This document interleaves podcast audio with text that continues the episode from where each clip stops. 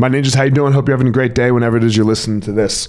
As always, please go like, share, comment, uh, send it to a friend if you find this helpful, useful throughout your day.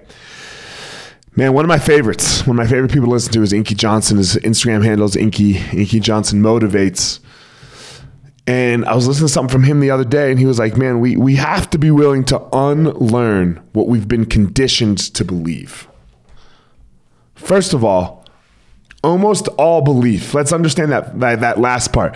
Almost all belief is something you've been conditioned to.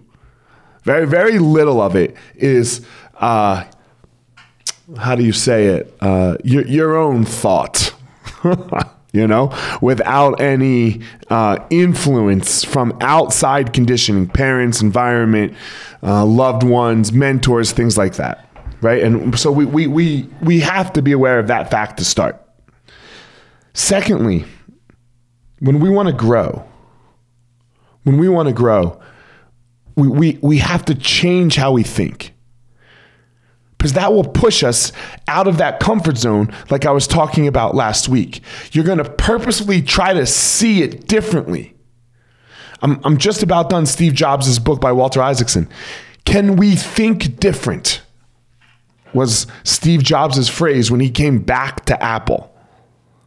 Think different. That's fucking hard.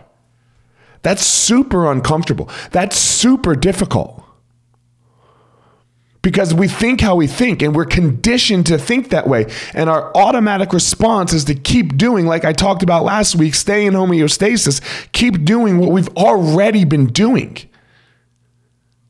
But shit, if we want more, if you want to get better, if you want to if you if you want to grow, you got to think a little different. And when you think a little different, another perspective will come. And when another perspective will come, man, maybe a different outcome will come